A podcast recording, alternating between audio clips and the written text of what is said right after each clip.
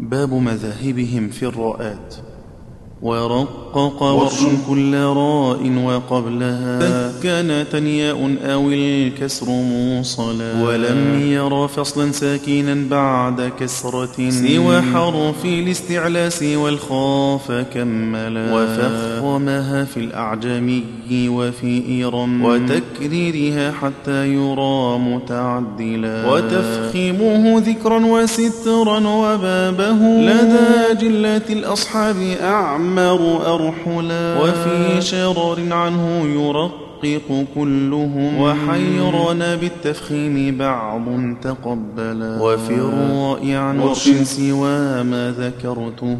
مذاهب شذت في الأداء توقلا. ولا بد من ترقيقها بعد كسرة. إذا سكنت يا صاحي للسبعة الملا. وما حرف الاستعلاء بعد فراؤه. لكلهم التفخيم فيها تذللا. ويجمعها قد خص ضغط وخلفهم بفروق جرى بين المشايخ سلسلا. وما بعد كسر عريض أو مفصل ففخم فهذا حكمه متبذلا. وما بعده كسر أو اليا فما لهم بترقيقه نص وثيق فيمثلا. وما لقياس في القراءة مدخل فدونك ما فيه الرضا الرضا متكفلا. وترقيقها مكسورة عند وصلهم. وتفخيمها في الوقف أجمع أشملا. ولكنها في وقفهم مع غيرها. ترقق بعد الكسر أو ما تميلا. أو الياء تأتي بالسكون ورومهم. كما وصلهم فبل الذكاء مصقلا. وفيما عدا هذا الذي قد وصفته. على